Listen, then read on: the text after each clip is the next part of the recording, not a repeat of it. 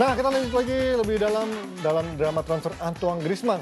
Tapi saya sudah nggak sendiri, sudah ada ekspert sepak bola Sabto Haryo. Apa kabar Mas Haryo? Baik, baik Ji. Gimana? Main malam masih kuat sekarang? Masih dong. Oke lah, ini prediksi nih Mas, hari Jumat Griezmann resmi jadi pemain Barca, udah kejadian ya. Ya. Tapi setelah klausul rilis ditebus, pihak Atletico bikin pernyataan resmi baru, katanya Atletico menganggap kesepakatan Griezmann dengan Barcelona sebelum 1 Juli atau saat klausul rilisnya aktif. Artinya harga Griezmann artinya masih 200 juta euro apa gimana nih? Apa transfernya tetap berlaku?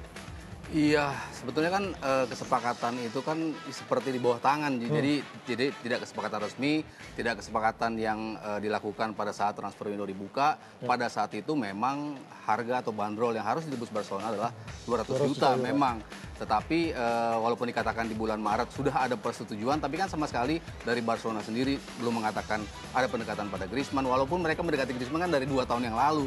Cuman eh, ketika tahun lalu ada eh, isu dia akan pindah disuarakan oleh eh, Atletico Madrid, Barcelona belum mengatakan iya juga. Jadi sebetulnya kalau Atletico melihat dari sisi Barcelona, Barcelona memang mencoba untuk mengulur sehingga harga atau bandrolnya eh, Griezmann pada eh, sekarang itu ada di angka 120. Makanya Barcelona eh, berani mengatakan bahwa mereka memang ingin mendapatkan Griezmann dengan eh, dengan bandrol yang 120 yang sekarang itu. Jadi saya rasa di sisi Barcelona pun tidak eh, tidak salah karena mereka memang baru melakukan pendekatan resminya sekarang setelah harganya turun ke 120.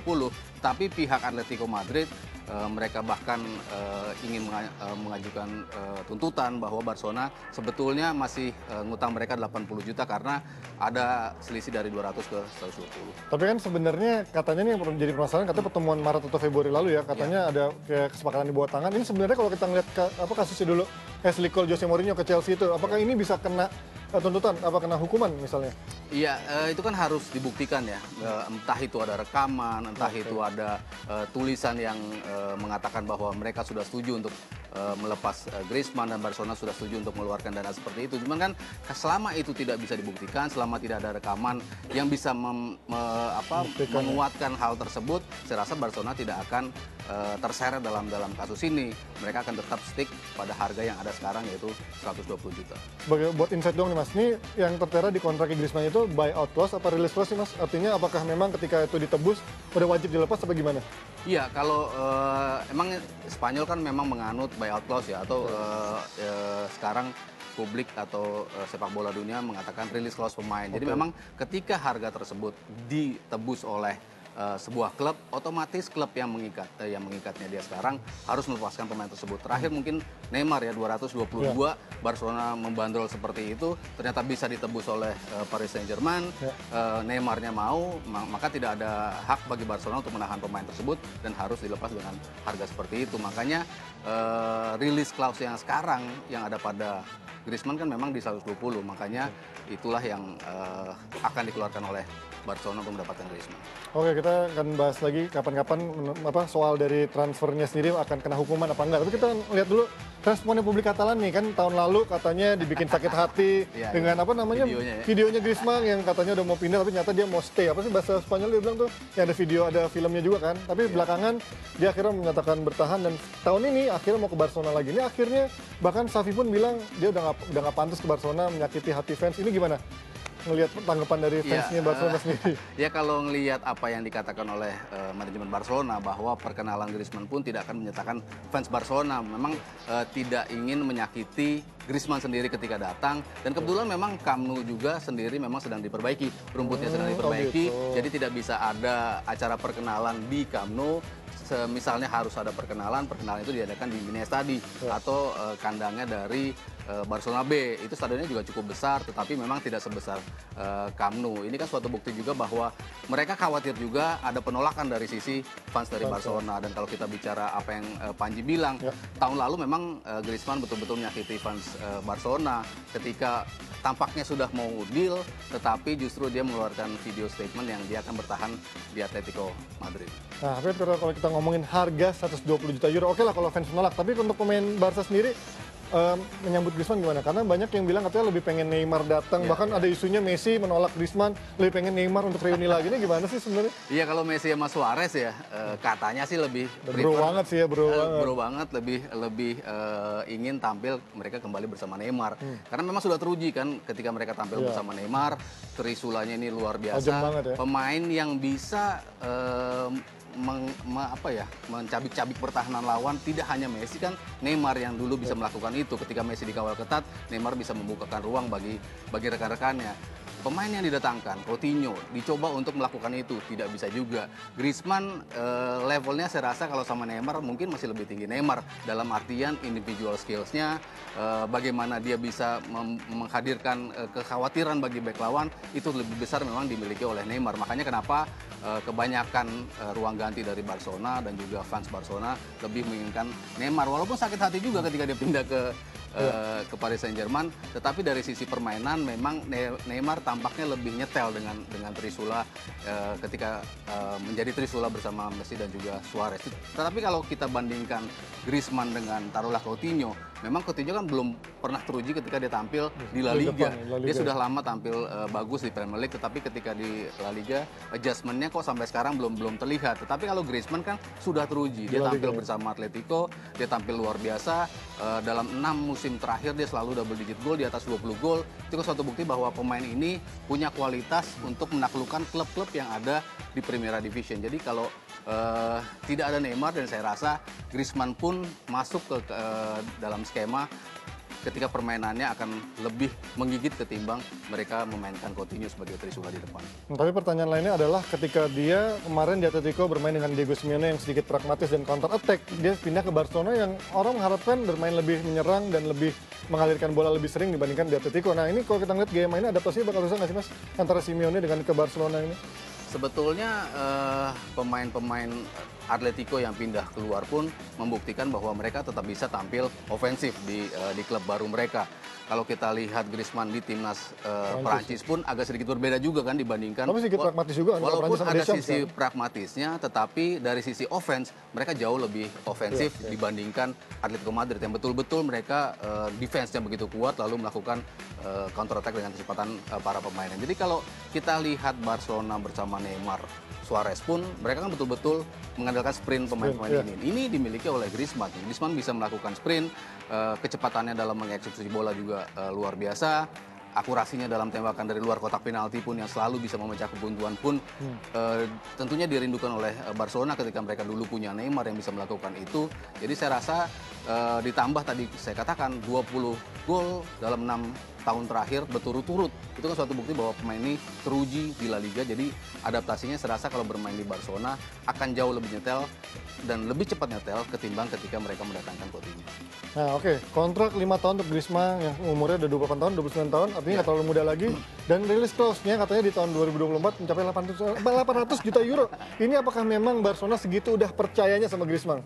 Iya, kalau eh, kita runutkan tadi ya eh, bagaimana hal-hal yang dimiliki oleh Griezmann selain dari jumlah golnya yang selalu dia eh, berikan, lalu asisnya, lalu kecepatannya, pemain ini betul-betul eh, masuk kualifikasi pemain bintang yang dimiliki oleh Barcelona. Jadi wajar ketika pemain yang dibeli dengan harga di atas 100 juta, saya rasa memang wajar jika mereka langsung dibanderol begitu besar. Kalau kita lihat pemain-pemain yang dibanderol, taruhlah kemarin terakhir Neymar 222 aja bisa ditebus gitu kan. Takutnya ketika eh, ada klub yang mendekati dengan bandornya hanya 250 dengan harga yang sekarang yang gila-gila seperti ini saya rasa akan bisa ditebus dengan harga hanya sekitar 250-an makanya kenapa sekarang klub-klub betul-betul melakukan atau mematok eh, buyout clause dengan harga yang begitu tinggi Nah, kita sekarang ingin tanya-tanya di manakah nanti Valverde menempatkan Griezmann karena kemarin apa formasinya sempat ada dua striker, sempat tiga striker. Apakah benar emang menjadi idaman trio MSG, GSM itulah Ya. menjadi trio maut lagi? Iya, kalau Barcelona mungkin lebih cocok memang memainkan formasi 4-3-3 ya. Dari dari dulu dari era Pep, dari era sebelum-sebelumnya Rijkaard pun formasinya eh, sering dengan formasi tiga striker di depan, tiga pemain yang betul-betul bisa dilepas untuk eh, melakukan penetrasi ke dalam kotak penalti ataupun bisa mendelay bola. Pemain-pemain ini punya kemampuan yang sama bagusnya tiga-tiganya. Jadi saya rasa tiga pemain ini dimainkan secara berbarengan. Bahkan kalau kita lihat Griezmann pun dalam beberapa kesempatan suka bermain juga dalam formasi 4-4-2. Ya. Dia dimainkan di posisi sayap kiri. Itu pun bisa dilakoni oleh eh, Valverde di mana kita lihat di beberapa musim di musim kemarin dalam beberapa pertandingan pun mereka memainkan dua striker, Messi dan juga eh, Suarez dengan empat gelandang eh, flat yang yang ada di belakangnya. Jadi saya rasa memainkan formasi 4-4-2 ataupun 4-3-3 tetap bisa dimainkan dan tetap bisa eh, memasukkan Neymar eh, atau eh, apa Griezmann di situ. Tetapi kalau kita lihat mana yang lebih cocok, saya lebih melihat formasi 4-3-3 yang memang kental dengan DNA Barcelona. Nah, berarti nanti posisi yang akan difokusin jadi goal getter itu siapa, Mas? Apakah Suarez seperti biasa, Messi yang backup dari belakang? Apakah Griezmann sekarang jadi ujung tombaknya sekarang? Walaupun ujung-ujungnya tetap Messi yang bisa Iya, yang iya, bisa itu pasti menjadi ya, itu top dewanya itu. scorernya mereka ditaruh di belakang pun Messi bisa tetap mencetak gol banyak. Tapi kalau kita lihat eh, dulu Suarez dan juga Neymar yang menjadi betul-betul dua kuda pacu di depan yang diberikan bola dengan kecepatan tinggi, lalu mereka bisa mengejar bola dan melakukan eksekusi dari luar kotak penalti. Saya rasa Griezmann dan juga Suarez akan yang akan menjadi ya. pemain yang jauh lebih di depan dibandingkan Messi yang saya rasa lagi-lagi akan eh, membantu dalam tanda kutip lini tengah Barcelona. Nah, berarti kalau misalkan kayak gini, kan masih gosipnya katanya dia masih mungkin datengin Neymar nih. Apa kalau datengin Neymar itu dia harus jual antara Coutinho atau Dembele dulu? Iya. Berarti. Iya. Tapi kalau dia nggak datengin, eh kalau nggak jual, artinya bisa nggak secara finansialnya? Kalau dari financial Kan dia sebenarnya juga jualnya juga tahun setahun terakhir kan lumayan kan 200-an juta Iya, kan iya. ngejual 10 eh 14 pemain tuh kalau nggak salah setahun terakhir. Barcelona, Madrid, MU itu sebenarnya aman di financial fair play karena itu kan Dia kan pembelian tahun pembelian ya. pemain besar itu di spread dalam berapa durasi kontrak mereka kan. Oh gitu. Misalnya 150 dalam lima musim ini. Ah. Oh, di- kayak dicicil gitu ya. 30 gitu. Jadi perhitungannya tidak bulat sebesar ini tetapi yang dihitung hanya eh, di tahun itu mereka mengeluarkan untuk pemain ini berapa. Dan semuanya berada di bawah 70% dari antara gaji dan juga pendapatan klub. Itu kan Hmm. atau revenue klub. Jadi selama masih ada di garis itu dan klub-klub ini Barcelona, Madrid, MU berada di jalur yang aman untuk financial fair play. Tapi kalau Neymar masuk, siapa dong yang bakal dimainin di? Kan aneh kan ada Messi, Neymar, Suarez, Griezmann kayaknya nggak mungkin. Apa mungkin juga karena Suarez kemarin udah mulai agak-agak ini ya, menurun ya? Kayaknya Musim lalu. kayaknya Messi balik turun ke bawah. belakang. Padahal lagi lagi lagi ngecun-ngecunnya banget musim lalu kan bisa nyetak berapa gol lagi? 40 gol kemarin. 30 Kayaknya kayak tahun pertama si Enrique Hmm. Dia turun lebih ke belakang kan.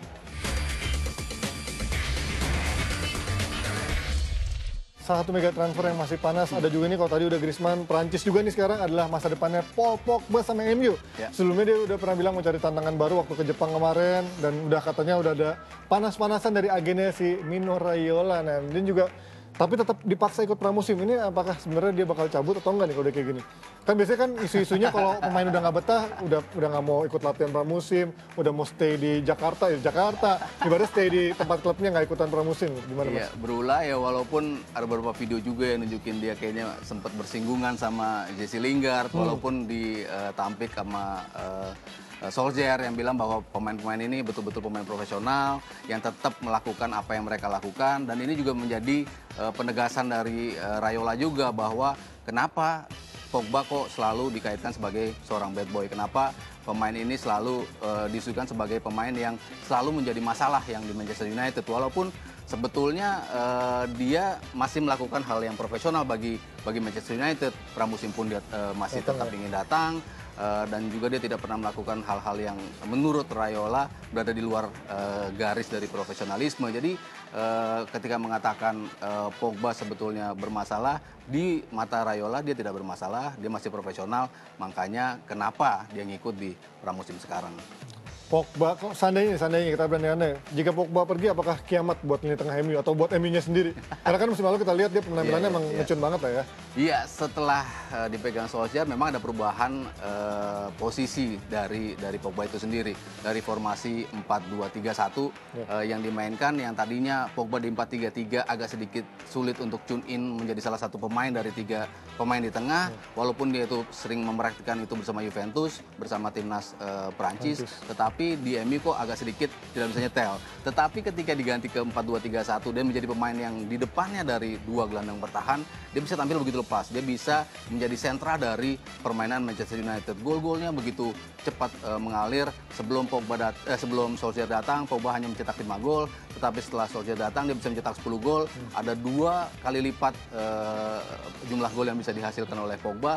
Ini suatu bukti bahwa dia cocok dengan gaya uh, permainan yang uh, dimainkan oleh Soldier. Paling tidak dalam 17 pertandingan pertama Soldier di mana dia hanya kalah sekali. Cuman setelah itu dengan formasi yang agak sedikit uh, berbeda agak uh, kurang ngecun lagi uh, Pogba bisa dikatakan seperti itu. Tapi bukan masalahnya bukan hanya Pogba, tetapi hampir semua pemain di United tampil di bawah perform uh, terbaiknya ketika uh, Solskjaer dinyatakan sebagai uh, pelatih uh, utama mereka bukan lagi sebagai uh, interim. Tapi kalau tidak ada Pogba, jelas uh, ini menjadi ya semacam kiamat bagi Manchester United karena setelah Ander Herrera pergi, praktis tidak ada pemain yang bisa dikatakan kreatif di lini uh, tengah dari uh, dari MU. Paling cuma luar mata, cuman kan sudah mulai berumur, sudah tidak bisa tampil selalu 90 menit dalam setiap pertandingan.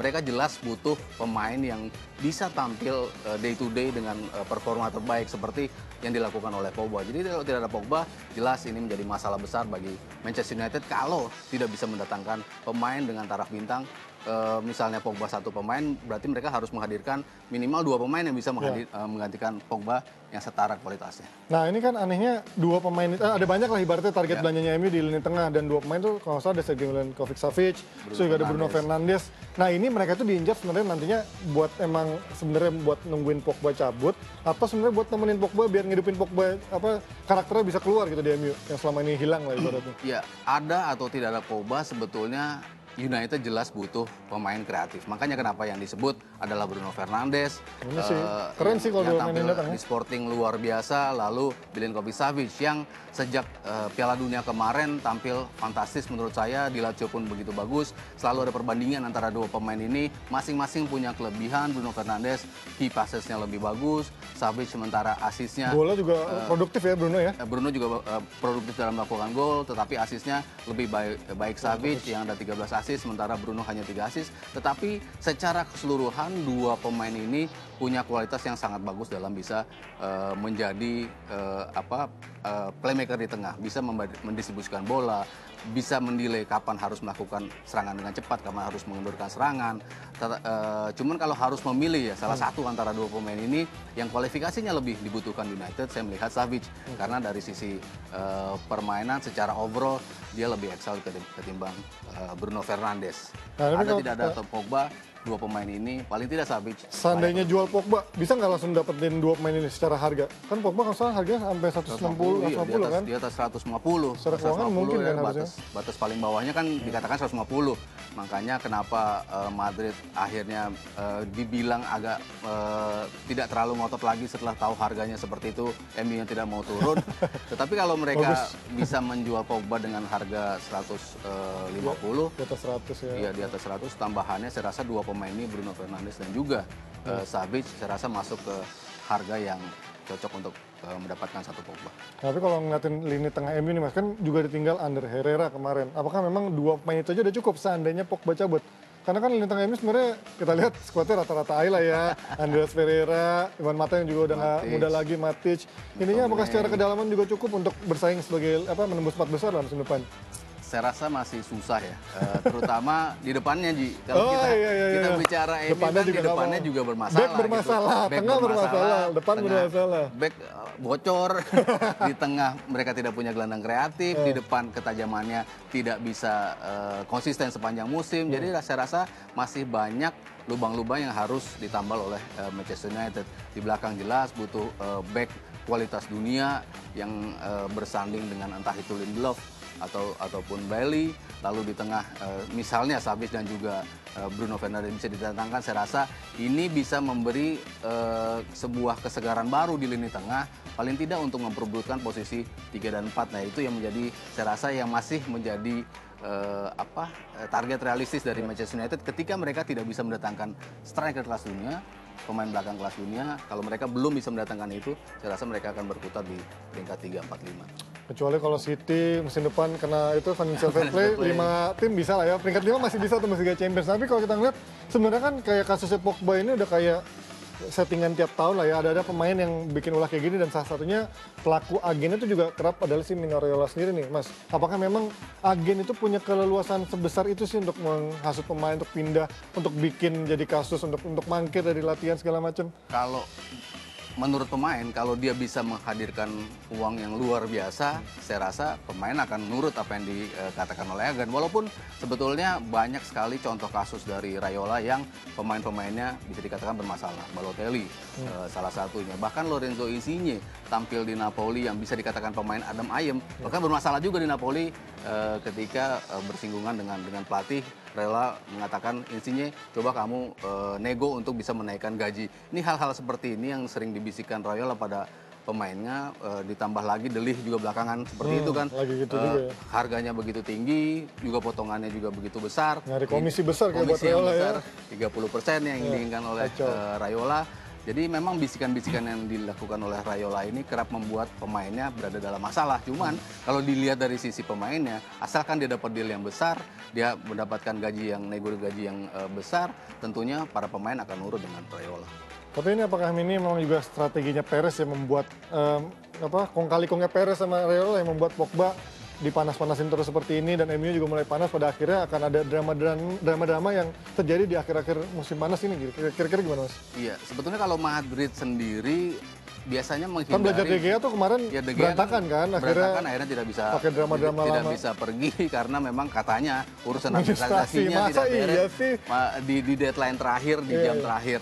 Nah, Kalau kita lihat mundur ke beberapa transfer terakhir, justru Madrid klub melakukan eh, penjualan justru yang eh, di saat-saat akhir, ketika Snyder pergi, ketika Robben pergi, pemain-pemain eh, apa mantan-mantan bintang Madrid yang keluar dari Madrid justru di saat-saat terakhir. Tetapi ketika mendatangkan pemain, justru Madrid seringnya di awal-awal musim, ketika eh, Ronaldo didatangkan, Kakak didatangkan, eh, Robinho didatangkan pemain-pemain seperti yang datang tidak pernah berada dalam transfer deadline di saat-saat terakhir. Cuman kalau kita lihat saganya udah sampai seperti ini, MU-nya pun berke- eh, bersikeras dengan eh, harga yang cukup besar ini, saya rasa bukan tidak mungkin ini akan melar sampai deadline transfer deadline terakhir.